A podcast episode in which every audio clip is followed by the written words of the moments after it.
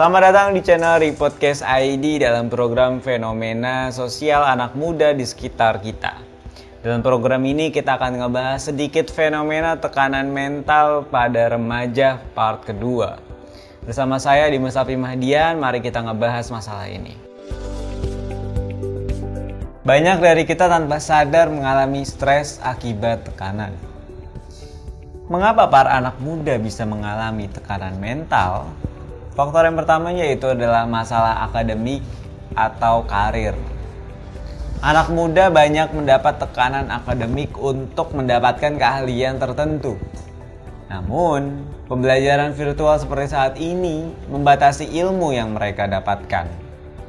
Demikian juga anak muda yang sedang berkarir. Banyak dari mereka berada di dalam zona ketidakpastian ancaman PHK. Faktor yang kedua adalah masalah keluarga. Keluarga acap kali memberi tuntutan untuk sukses dalam akademik, karir, dan keluarga. Bahkan mengharapkan agar mereka mencapai status tertentu. Faktor yang ketiga adalah masalah teman sebaya. Yang pertama, pembulian, dijahili, atau diasingkan menjadi faktor pemicu stres dari teman sebaya.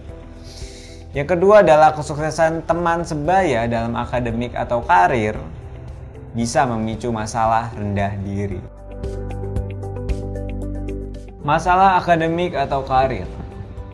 Yang pertama, dalam menghadapi masalah akademik, teman-teman harus menyadari bahwa kesuksesan akademik tidak menentukan kesuksesan seseorang di dunia real. Tetapi, sikap mental atau emotional question atau dan sisi spiritual atau spiritual question ikut menentukan. Kedua, banyak dari teman-teman yang dihantui oleh PHK. Buatlah rencana cadangan apabila keadaan terburuk menimpa teman-teman Rencana itu bisa berupa alternatif perusahaan lain untuk bekerja atau opsi usaha. Ingatlah teman-teman, banyak dari mereka yang sukses memulai usaha karena di PHK dari tempat kerjanya. Selanjutnya adalah masalah keluarga. Keterbukaan adalah kuncinya. Terbuka akan kondisi kita saat ini buat keluarga bisa melihat kondisi dari perspektif sudut pandang kita. Mintalah mereka membantu kita, bukan hanya memberikan beban harapan. Terbukalah, walau hal itu terasa berat di awal, tetapi akan membuat kita lebih lega.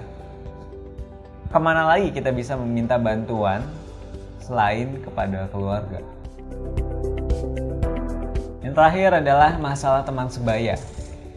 Jika kita berhadapan dengan pembulian, dijahili atau diasingkan dari teman sebaya, maka kita harus bersabar serta jadikan hal itu sebagai dorongan kita untuk berkarya dan membuktikan kepada mereka kalau kita kuat.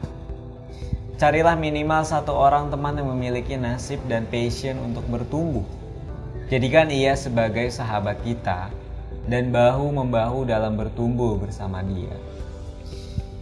Jika kalian rendah diri karena kesuksesan teman sebaya, teman-teman harus sadar. Semua orang memiliki waktu suksesnya masing-masing. Alasannya karena minat, bakat kepribadian serta passion setiap orang itu berbeda. Mungkin bagi mereka yang ingin menjadi PNS, bisa saja di bawah umur 30 tahun mereka sudah diterima kerja dan dianggap sukses. Berbeda dengan mereka yang ingin merintis usaha.